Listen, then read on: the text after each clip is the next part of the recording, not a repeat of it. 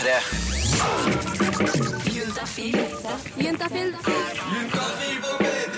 Med programleder Tuva Fellmann.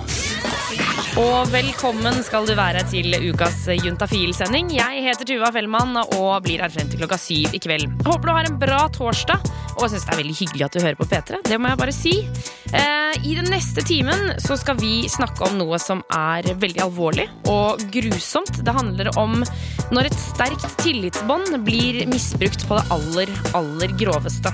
Vi skal snakke om incest her på Juntafil, og du skal få treffe Ann-Kristin, som har blitt seksuelt misbrukt av sin egen far i mange, mange år.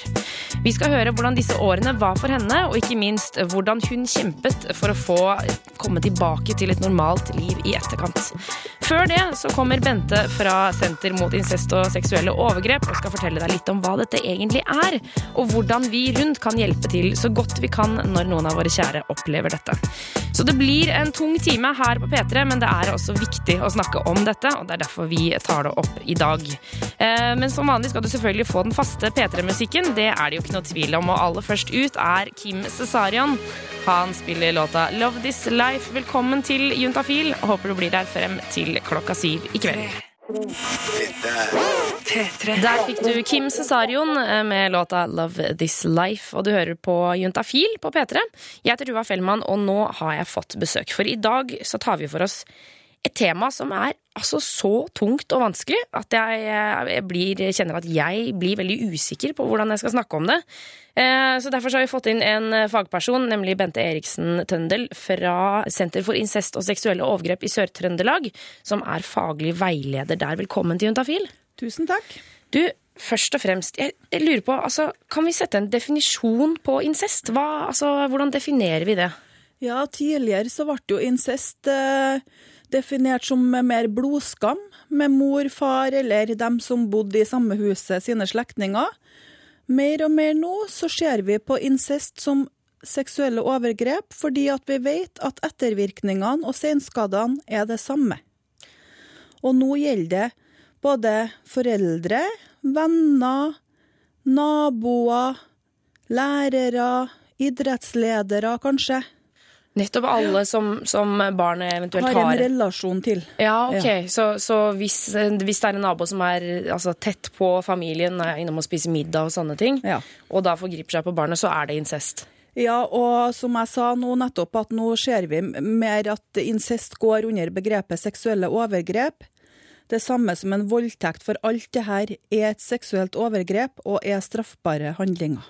Jeg tenker jo ofte at når jeg eh, tenker på incest, så, så kommer tanken om seksuell omgang med nær familie. Det er det første jeg, jeg tenker på. Men er det så, om jeg kan være så kynisk å kalle det, så svart-hvitt? Eller er det grader av denne type eh, handlinger? Eh, Det er jo, eh, Straffeloven deler jo inn i tre ulike grader. Og den første delen den innebærer jo ikke berøring, men det kan være blotting av kjønnsorganer, det kan være pornografisk snakk f.eks. Å ja, så, ja Og det har ei strafferamme på inntil ett år. Ja, og videre så er det Så har du jo eh, den andre, som er seksuell handling. Og da er det jo handling mot noen som ikke har samtykka til det. F.eks. et barn kan jo ikke samtykke til seksuell handling Nei. som de ikke vet hva er, f.eks. Og det med beføling og berøring av eventuelle kjønnsorganer, da. Men da lurer jeg på, er det også f.eks. for eksempel pupper, altså bryst på jenter? Mm. Det inngår i det også? Det inngår i den paragrafen, ja. Og da kan du møte ei strafferamme på inntil tre år.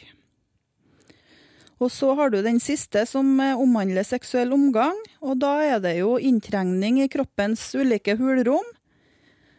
Og slikking og suging av kjønnsorgan, f.eks. Og det kan ha en strafferamme på inntil 21 år. Det må jo være veldig vanskelig å snakke om dette her. Eh, Hvor vanlig tror du det er å ikke ville fortelle noen om det som har skjedd? Eh, Enkelte undersøkelser viser faktisk at eh, mange har fortrengt inntil 15 15 år. 15 og et halvt Ikke har fått det fortalt. Altså at overgrepene har skjedd, og så har man gått med det Gått alene? med det i 15 15,5 år. Oi, jøss navn. Og mange har prøvd å fortelle, og ikke blitt møtt, kanskje. Mm. Ja, for det føler jeg er en sånn, eh, sånn greie med det med å fortelle, eh, og så frykten for ikke bli trodd. Virker ganske sterk, da. Det er klart det. Han kan jo tenke seg sjøl som et lite barn. Og spesielt hvis man har vært utsatt for sin nærmeste familie, der tilliten og tryggheten skal være. Hvordan skal man fortelle det? Og hvem skal man fortelle det til? Det er jo eh, store og vanskelige spørsmål, og i hvert fall når det er tanke, eh, med tanke på barn. Eh, Bente, vi skal snakke mer med deg i løpet av dagens sending. Men straks her på Juntafil så skal vi altså treffe en dame som har opplevd dette her, altså å bli misbrukt av nær familie. Det får du etter London Grammar. Her er Strong. Juntafil med Tuva Fellmann på P3. London Grammar med låta Strong her på P3. Eh, Og du hører på Juntafil, eh, og nå er det sånn at det er mange kriminelle handlinger som jeg kan skjønne hvorfor noen gjør. Jeg kan til tider forstå motivasjonen, f.eks. om at man trenger penger, eller man er veldig sint, eller man mener at noe er gærent. Men incest, det er en handling jeg ikke greier å forstå. Jeg kjenner at jeg kan bli veldig sint av å snakke om det, eh, fordi jeg syns det er så forferdelig å utsette noen for. Og jeg har lyst til å gi en advarsel til deg som hører på, at det som kommer nå, det er ikke så lett å høre på. Vår reporter Jonas Jeremiassen Tomter han har truffet en dame som har blitt utsatt for seksuelle overgrep av sin egen far. Den første gangen da var jeg på tur med min far. Jeg var tre-fire år gammel. Det her det er Ann-Kristin Johansen. Hun ble seksuelt misbrukt av faren sin fra hun var tre til ti år gammel. Vi var eh, ute i skogen og skulle finne liljekomalla, som var de fineste blomstene både jeg og han visste. Eh, Så går vi bortover i en sånn, ja, en ganske åpen blomstereng. Og så bøyer han seg ned, og så legger han armen rundt eh, eh, livet mitt. Og så, sier han, så holder han den andre armen bort og peker mot eh, skogholtet som ligger et lite stykke lenger borte. Og så sier han 'lukk øynene'. Eh, og så gjør jeg det. For jeg, syns det er så vanvittig godt å være sammen med min pappa.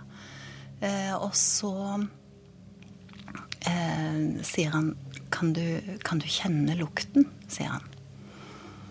Og så akkurat idet jeg kjenner liksom litt av den søte lukten av de her flotte liljekonvallene, så kjenner jeg også en vanvittig smerte i underlivet. Og da er det at jeg bare forsvinner inn i meg sjøl. Jeg bare fortsetter å holde øynene så lukka at jeg forsvinner av gårde. Og det var en helt annen blomstereng. Men jeg kjente ikke noe av det vonde. Eh, Så på en måte så var jeg kanskje hadde jeg en av disse utenomkroppslige opplevelsene.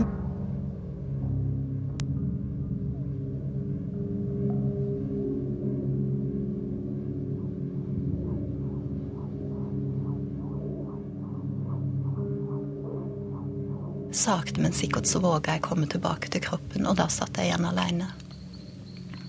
Da var han forsvunnet. Eh, Og han kom og henta meg når, eh, når det ble mørkt, i skumringen. Eh, Og da var det en helt annen historie som, eh, som regjerte når eh, jeg kom hjem.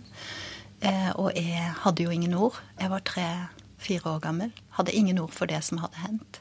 Og for alt det jeg visste den gangen, så var det sånn det skulle være. Eh, Det var sånn oppdragelsen skulle være. Det var vanvittig smertefullt, men jeg tenkte at ok, dette er en del av kjærligheten.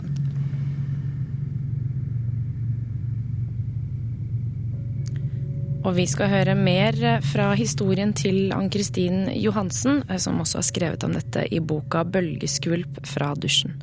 Reporter er Jonas Jeremiassen Tomter. Hold deg her på kanalen for eh, mer fra denne historien. Men nå er det Coldplay. Låta den heter 'Magic', og du hører på Juntaf. Du fikk eh, Coldplay med låta Magic eh, fire på halv seks. Og tidligere så hørte vi forfatter Ann-Kristin Johansen fortelle om da hun ble seksuelt misbrukt av sin far som liten. Og jeg tror det er vanskelig for oss som ikke har blitt utsatt for dette, å forstå hvordan det egentlig er. Hvordan livet kjennes, og hvorfor man ikke stopper det, og hvordan man føler seg. En føler seg veldig skitten. Eh, og veldig mange av menn, altså spesielt damer som har opplevd overgrep, som jeg har møtt, eh, de føler seg fryktelig skitne og uverdige. Eh, mange av de bruker timevis på badet for å prøve å vaske seg reine. Det høres jo litt rart ut, men det er på en måte Det der indre er så skittent. Du føler deg virkelig trampa på og har liksom ikke noe plass i samfunnet, og derfor så vil jo de fleste forsvinne. Ann-Kristin ble misbrukt av faren sin fra hun var tre til ti år gammel, og jeg lurer på om hun noen gang skjønte at det faren gjorde, var feil. Jeg var i min fars hule hånd. Han styrte livet mitt. Eh, og når jeg da ikke hadde noe valg, så var det helt urealistisk og helt Det var så fjernt fra meg å tenke at jeg faktisk kunne sette beinet ned og si nei. At dette faktisk var galt. Jeg trodde at det var sånn alle andre hadde det, og trodde at dette var en del av oppdragelsen. Det trodde jeg helt eh, til jeg var voksen, og til jeg begynte på en måte å reflektere mer bevisst over dette. Jeg var så fanga i den derre verden eh, hvor pappa fikk lov til å bestemme over meg og min kropp, at jeg klarte ikke på en måte å bryte ut. Når jeg var fire år gammel, så lovte min far dyrt og hellig å holde det hemmelig. Og du vet åssen det er for barn når de får en hemmelighet, så skal den holdes hemmelig. Og det var hellig for meg. Eh, ikke å fortelle det til noen, ikke engang mamma. For jeg skjønte virkelig alvoret i det han sa, at dette her er noe mellom meg og deg. Og da var jo jeg hans lille gullhjerte. Eh, og det ville jeg jo fortsette å være. Jeg hadde jo ikke lyst til å, å bryte det. Overgrepene fortsetter helt fram til Ann-Kristin blir ti år gammel. Da får hun menstruasjon, og for første gang blir hun avvist av faren. Han avviste meg på den måten at eh, altså For meg så var det helt naturlig å gå til pappa og si at jeg har fått menstruasjon. Veldig mange andre ville selvfølgelig ha gått til mamma, for det er en sak du snakker med en kvinne om. Men for meg så var det helt logisk å gå til pappa. For, hadde, for meg var mamma en veldig fjern person i oppveksten. Eh, nettopp pga. overgrepssituasjoner. For det skaper en distanse eh, mellom den andre forelderen. Eh, og jeg, på en måte så var jo, var jo mamma min konkurrent.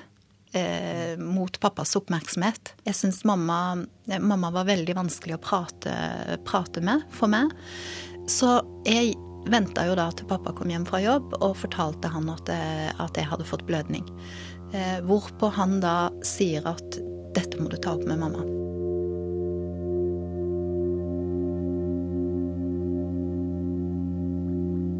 Han avviste den tilliten vi hadde, følte jeg. Jeg følte det veldig sterkt der og da, for jeg var så sjokkert. Jeg var helt sikker på at han hadde eh, Han skulle ta, ta seg tid til meg og sette seg ned og forklare sånn som han pleide å gjøre. For det var jo også den delen av overgrepssituasjonen som var positiv.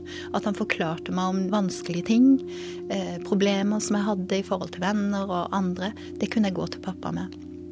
Og nå følte jeg at han avviste den biten også. Fordi at nå kom jeg med et kjempevanskelig problem eh, som jeg ville at han skulle forklare meg eh, og ha en løsning på. Og så avviser han meg, og så sier han du må gå til mamma. Men hvorfor var det akkurat dette som gjorde at det endret seg mellom Ann-Kristin og faren? Altså Min første tanke er jo det at da kunne jeg jo faktisk bli gravid. Jeg hadde jo den muligheten til å bli gravid. Eh, og det var vel kanskje Jeg kan jo ikke svare på hans vegne, det blir jo fryktelig vanskelig, og det blir bare spekulasjoner.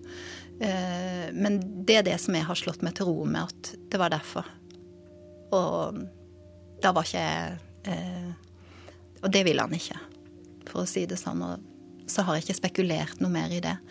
For det er én ting som er utrolig viktig, det er når en finner svar som er tilfredsstillende, må en også slippe taket, så må en gå videre, for ellers så får en det aldri godt. En kan grave i dette i det uendelige, for det er så mye vondt og vanskelig. Og veldig mange gjør det, og da blir de stående i den gørra. Kaos av følelser som, som, som overgrep medfører. Eh, og jeg tenker at skal du komme videre, så må du også på et eller annet tidspunkt må du slippe taket. Når du har forstått nok, til å komme videre, så, så må du gjøre det. Da må du gå. Snart skal du få høre mer om eh, hvordan livet til Ann-Kristin er nå, eh, mange, mange år etter overgrepene. Og hva hun har gjort for å komme seg videre til et eh, vanlig liv. Lemaitre med High Tide fem over halv seks. Og i dag så har vår reporter Jonas snakket med forfatteren av boka 'Bølgeskvulp i dusjen' om hennes vanskelige oppvekst, som hun ikke snakket ordentlig om før hun var voksen. En gang jeg var 18, så fortalte jeg det til en venninne. Ann-Kristin ble misbrukt av faren sin fra hun var tre til ti år gammel, og for første gang da hun var 18 år, fortalte hun det til noen andre. Eh, for da begynte jeg liksom å tenke at da hadde jeg hatt en spiseforstyrrelse i nokså mange år. Fra jeg var tolv år, eh, så hadde jeg hatt en spiseforstyrrelse, og da begynte jeg å Da hadde jeg lest litt i et ukeblad om ei jente som hadde opplevd det samme med som, som meg i forhold til, til pappa. Hun fortalte det, og da sa hun at det var fryktelig galt. Da fikk jeg en veldig veldig kraftig reaksjon. Jeg skjønte at jeg hadde sagt noe fryktelig alvorlig. Um, og ikke så lenge etterpå så ble jeg konfrontert med dette hjemme. Da la mine foreldre skylda på at jeg var syk. Jeg hadde en sykdom, en spiseforstyrrelse, så det var nok sykdommen som prata. Etter 33 år med spiseforstyrrelse og fornektelse tar Ann-Kristin endelig tak i det som hun egentlig føler, og hun sier nå at hun har tilgitt faren sin. Men jeg lurer på hvordan hun ser på en overgriper. Det finnes en så stor mangel i det indre eh, som gjør at du faktisk kan gå over enhver grense for å få tak i det du trenger for å fylle den der tomheten som er inni deg det er min eneste måte å forstå det. er egoisme i sin ytterste forstand. I tillegg til spiseforstyrrelser slet Ann-Kristin lenge med følelsen av at hun ikke var bra nok. Jeg trodde jo ikke det at jeg kunne finne den inni meg. At jeg hadde liksom alle disse eh, evnene og mulighetene og følelsene inni meg, sånn at jeg kunne rydde opp og, og gå videre. Og det trengte jeg. Og jeg trengte å møte et menneske som faktisk kunne vise meg det.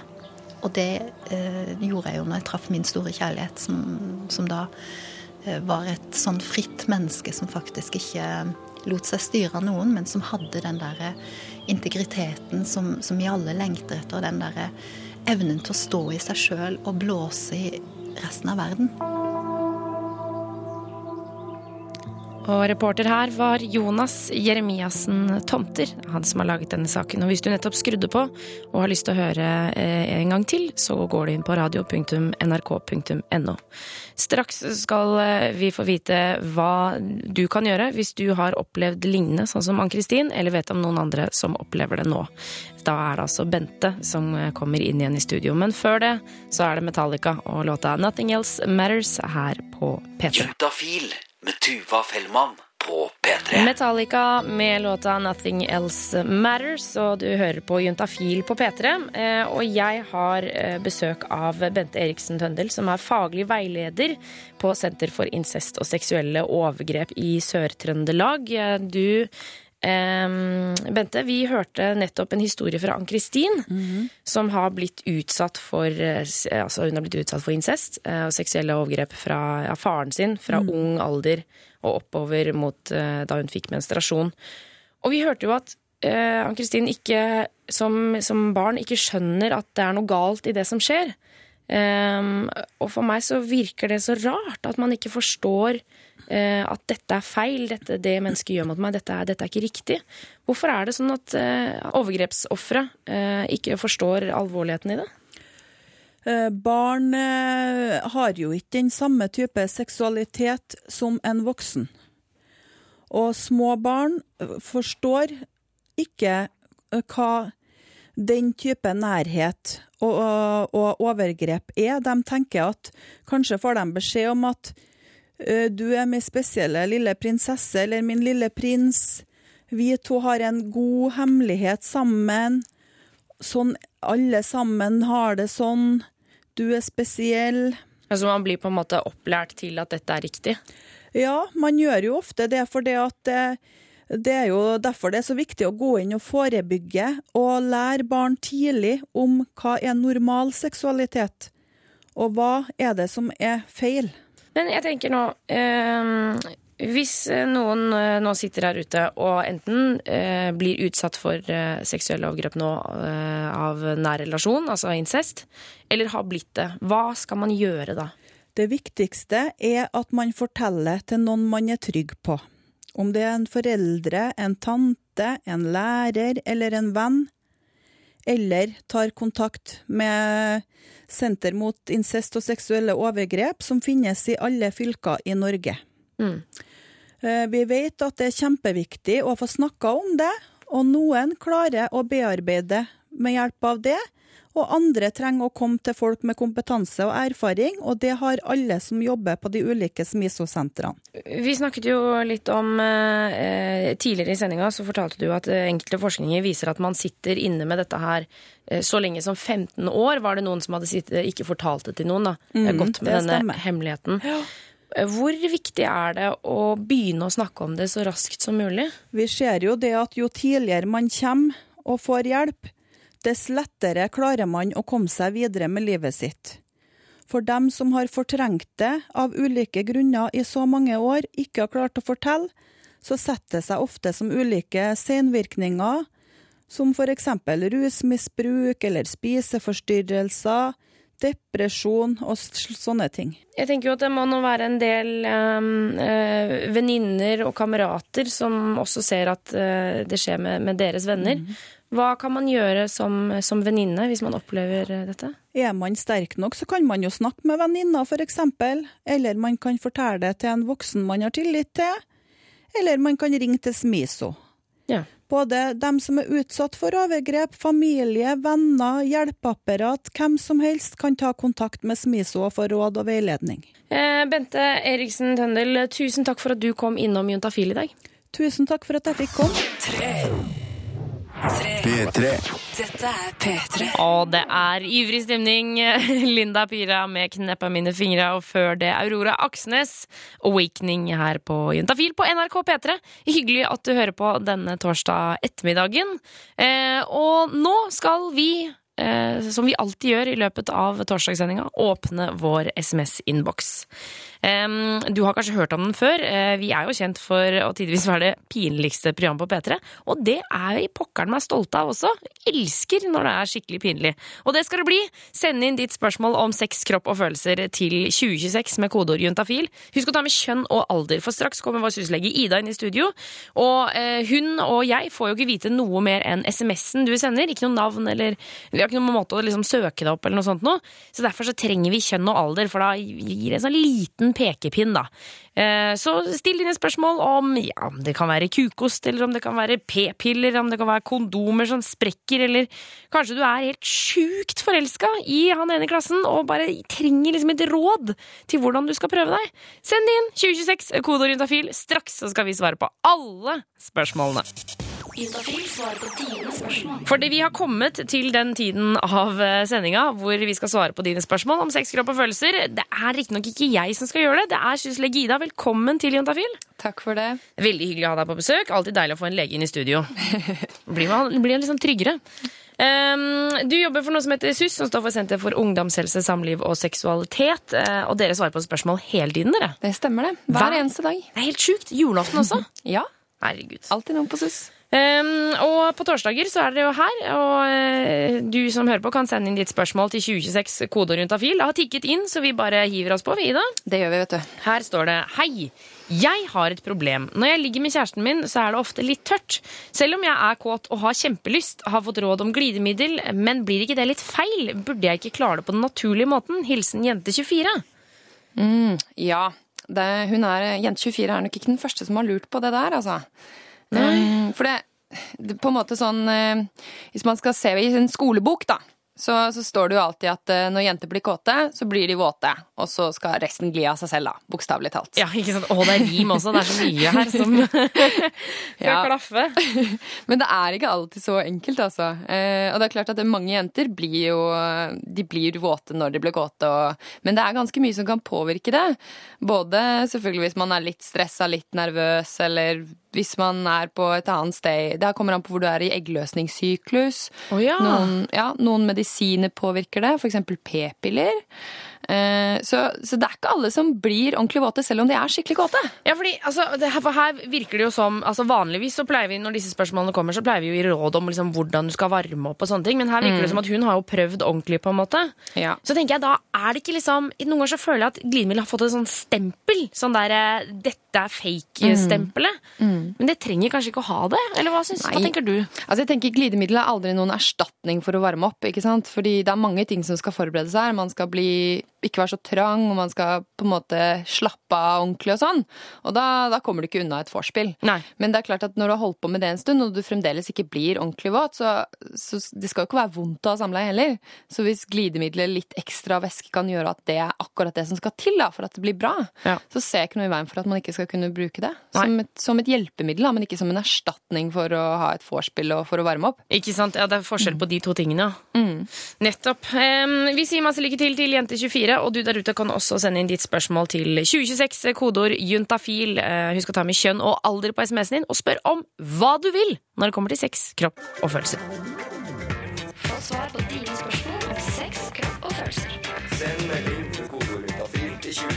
Og syslege Ida, vi skal fortsette å svare på SMS-er. Er du klar? Å ja da. Å ja da, ja da, ja da. Nummeret er 2026, koder er juntafil hvis du har lyst til å stille ditt spørsmål.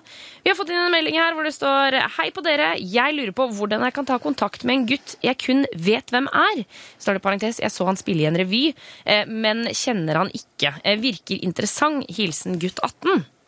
Åh, kan jeg bare si ut at Dette har jeg gjort så mange ganger. Vet du, Jeg har blitt forelska i så mange, mange gutter gjennom å se de spille revy. Det er altså et eller annet med det. Jeg skjønner ikke hva det er. Men hva gjorde du?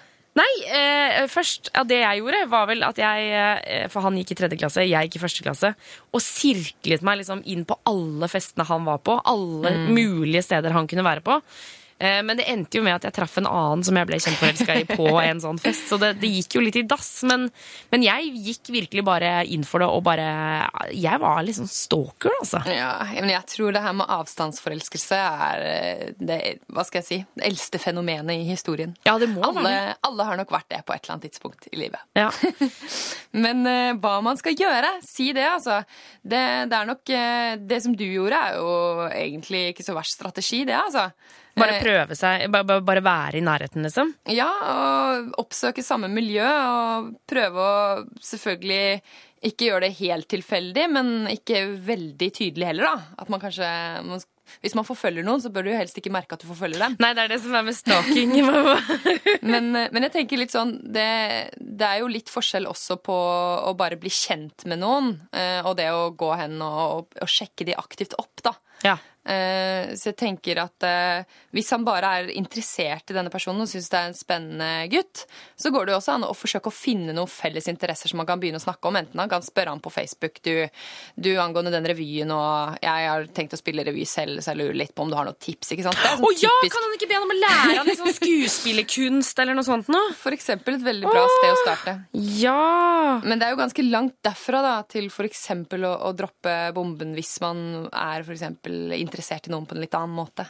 Men da Um, kan man jo starte med sånne små, småting. Mm. Blikk. Kanskje litt sånn, litt sånn forsiktig berøring. Mm. I, sånn ting i den duren. Og se om man, man får noe igjen, da. Ja, ja. Uh, og han, altså det, det kan jo også være en fordel å vite om denne gutten er interessert i andre gutter. Før man uh... ja, du, det tenkte jeg ikke på engang. Ja.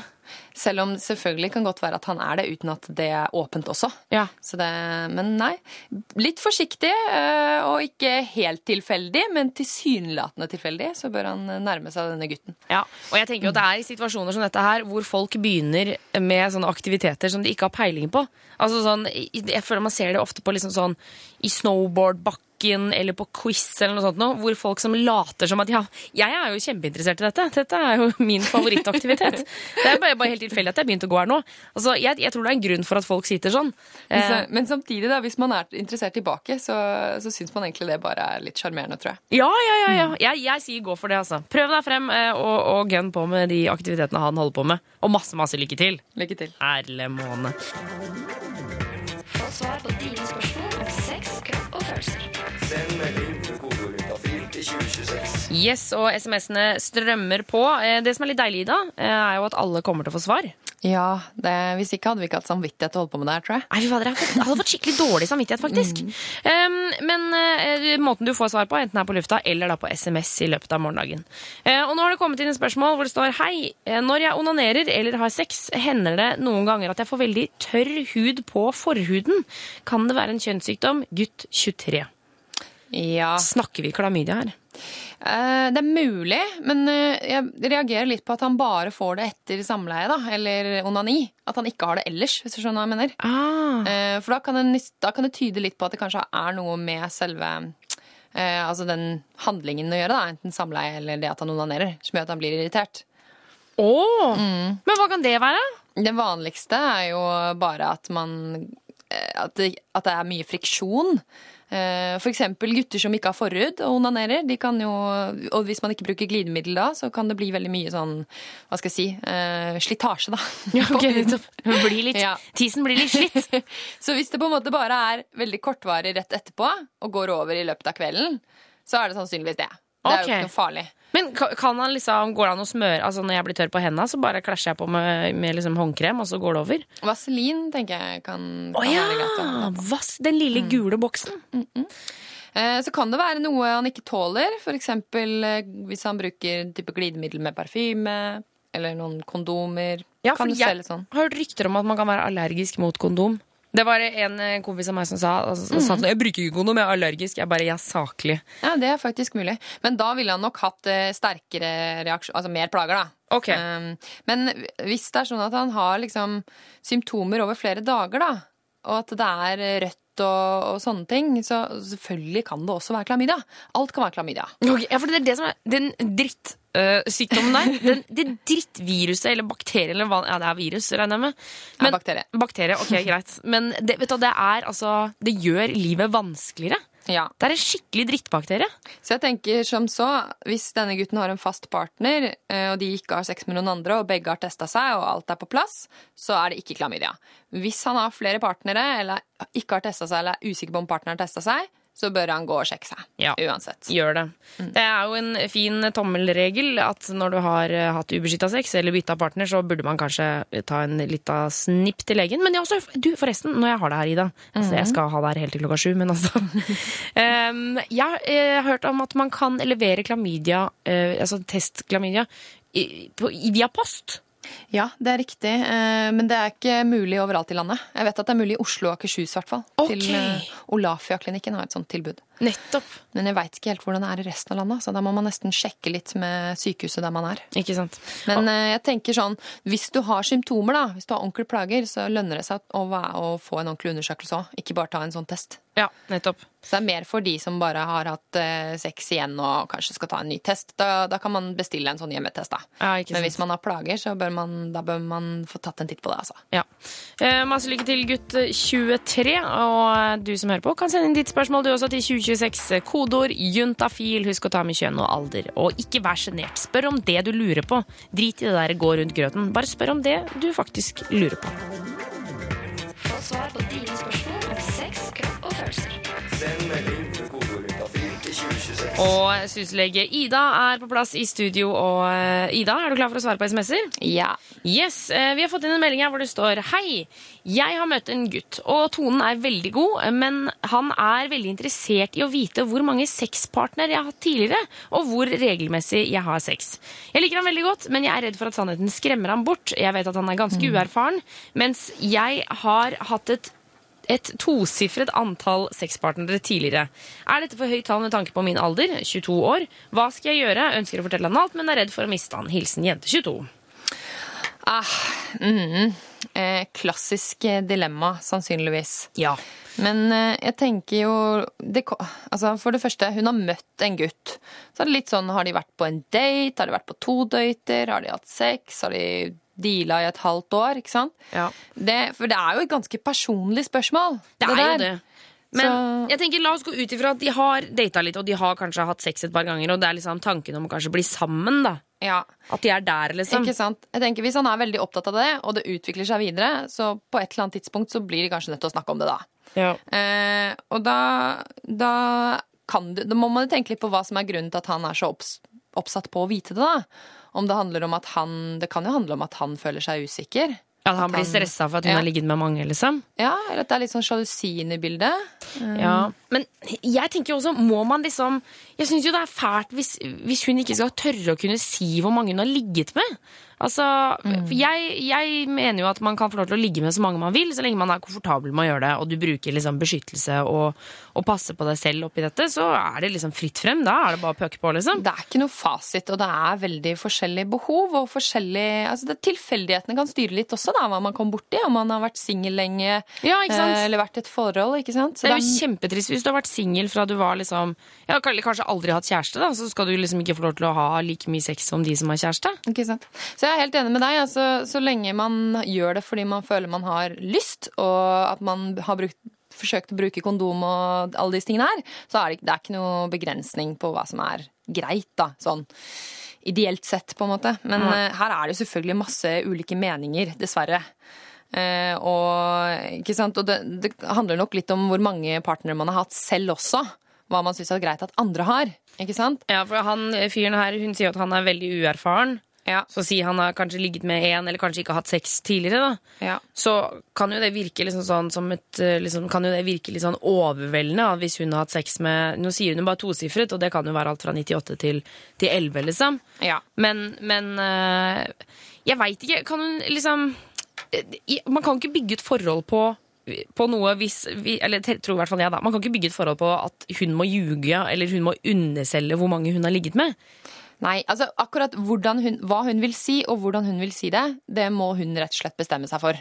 Eh, og så må hun bare stå inne for det, det hun sier til han. Eh, men, men hvis han er sånn som stikker av fordi hun har hatt eh, 20 partnere og han har hatt to, så tenker jeg at da, da, er det jo, da har jo han et veldig stort problem. Ja. Fordi da er det ganske mange damer han ikke kan eh, bli sammen med i fremtiden heller. Ikke sant? Da er han ikke noe keeper. Nei. Um, lykke til, jente 22. Jeg syns ikke du skal stresse med dette. Jeg har ligget med tosifra, jeg også, altså. Så det tar det helt med ro. Jeg syns det går bra, ja. Juntafil med Tuva Fellmann på P3. Nå skal du få en ny episode i vår serie som handler om Emilie. Eh, Som vi følger i månedene fremover. Eh, Og vi følger jo henne med god grunn. Det første jeg kjente, var vel morgenkvalmen. Emilie ble gravid da hun var 16 år og valgte å beholde barnet. Nå har det gått litt tid, men hun kan allerede kjenne forandringene i kroppen. Jeg kunne jo merke det at eh, det var dager jeg ikke var i humør, og andre dager jeg kunne, var i kjempegodt humør. Men uh, det første jeg merka, var morgenkvalmen og at jeg sleit mye med vondt i hodet og sånne ting. Og du skal jo ikke gå på tabletter når du går gravid, så det var liksom Når jeg hadde vondt i hodet, så måtte jeg bare la det være vondt i hodet. At jeg ikke følte meg helt i form, og jeg var mye sånn sliten i kroppen, da, for det er jo mye som Det er mye som forandrer seg i kroppen. Eh, Så kroppen jobber jo hele tida. Emilie går førsteklasse på medier og kommunikasjon, og det ble en del nye rutiner etter at hun ble gravid. Jeg kunne ikke spise da og da, og jeg kunne ikke drikke vann på morgenen før jeg hadde kommet på skolen. Og jeg skulle helst ikke spise før en time etter jeg hadde stått opp og sånne ting, fordi da gikk det skeis. Åssen da? Da enten så kasta jeg opp, eller så blei jeg bare skikkelig dårlig langt utover dagen. Så du måtte lage nye rutiner for deg sjøl, rett og slett? Ja, jeg fant ut at det var bedre å smøre med seg fire brødskiver mer på skolen. For det blei Jeg spiste veldig mye. Så det var sånn derre Spiste en salat, og så bare Nei. Tok fem minutter. Nei, jeg må ha mer mat. Så pengene gikk også veldig fort. Det merka jeg tidlig. Fordi vi har kantine, og jeg tenkte at ja, jeg holder sikkert med de brødskivene. Og i løpet av første timen så var de brødskivene borte, fordi at eh, når jeg hadde maten tilgjengelig, så var det bare å spise og spise og spise. Så det var eh, Pengene gikk fort i kantina, da.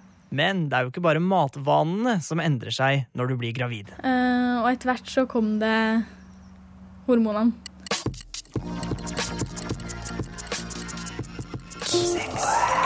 Følelseslegen forteller oss noe vi ikke vet.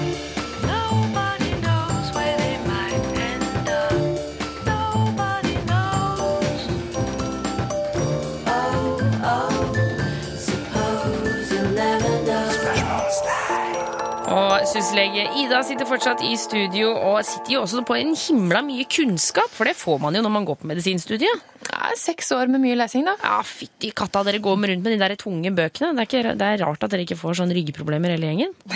Alle legene. Nei, vi, har jo, vi behandler hverandre, vet du. Så det... Ja, ikke sant, det er det der. Du, kan ikke du fortelle meg noe som jeg ikke vet? Det gleder jeg meg til. Ja, jeg tenkte jeg skulle fortelle litt om homofili i dag. Ok, jeg vet Eh, ganske mye om homofili, altså. Ja, Det er ikke sikkert du vet det her. skjønner du. Ok. Eh, fordi det er jo sånn eldgammel diskusjon det der hvorfor noen er homofile og noen er heterofile. Noen liker motsatt kjønn, noen liker samme kjønn, og noen liker begge. Eh, og jeg skal ikke gå inn i den debatten nå, men siden vi har så lett for å snakke om homofili som et sånt rent menneskelig fenomen, så tenkte jeg at jeg skulle snakke litt om homofili i dyreriket. Er dyr homofile? Ah, masse eksempler på dyr som er homofile, eller i hvert fall uh, har sex med samme kjønn. da. Er det sant? Ja, ja.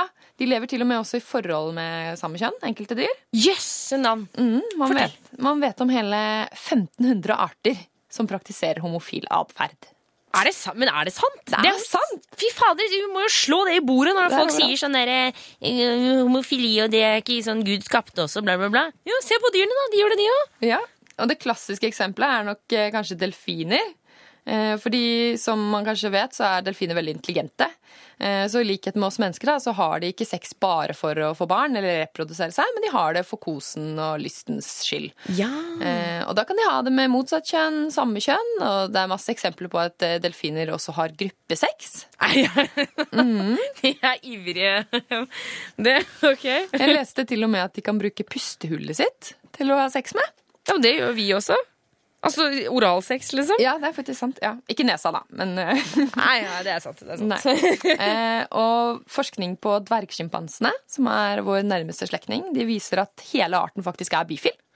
Er det sant? Ja. Så nå sier jeg er det sant hele tiden, men dette visste jeg faktisk ikke. Hele, hele arten er bifil? ja, de har sex med hverandre helt uavhengig av kjønn eller livet. Ok. Eh, og så har man faktisk en del arter som lever i lange parforhold med samme kjønn. Eh, I Norge så er det veldig mange svaner som lever som to og to hunder. Eh, og så kan den ene av og til da la en hannsvane komme og befrukte henne, og så jager de vekk hannsvanen. Kødder du? Eh, så det er mange svaneunger som har to mammaer. Det liker jeg altså så godt. At de bare OK, du får komme inn litt, men når du liksom har lagt fra deg det du skal legge fra deg, da skal du vekk. Skal du vekk. Ikke tro at du får drive og svømme rundt sammen med oss. Her er Nei. det bare damer. Nei, så Uansett hva man mener og ikke mener om homofili, så kan man i hvert fall ikke påstå at det er unaturlig, for det fins jo overalt i naturen. Nettopp. Fytti katta. Eh, Ida, tusen takk for at du fortalte dette her. Bare hyggelig. Herregud. Ja, morsomt. Ja, ja, det var deilig, syns jeg. Det var deilig å høre. P3. P3. Og syslege Ida, før du pakker taska og går, så skal du klare å svare på et spørsmål. Ja. Eh, vi har fått en melding fra jente16. Hei, jeg har lyst til å begynne på p-piller. Hvor kan jeg få dette?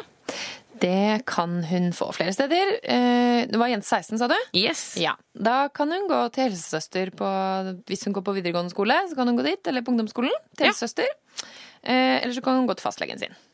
Og så er det vel sånn at p-piller er gratis når er Er det opp til 16, eller hvordan er det? Nei, det er fra 16 til 20 til den måneden du fyller 20 år.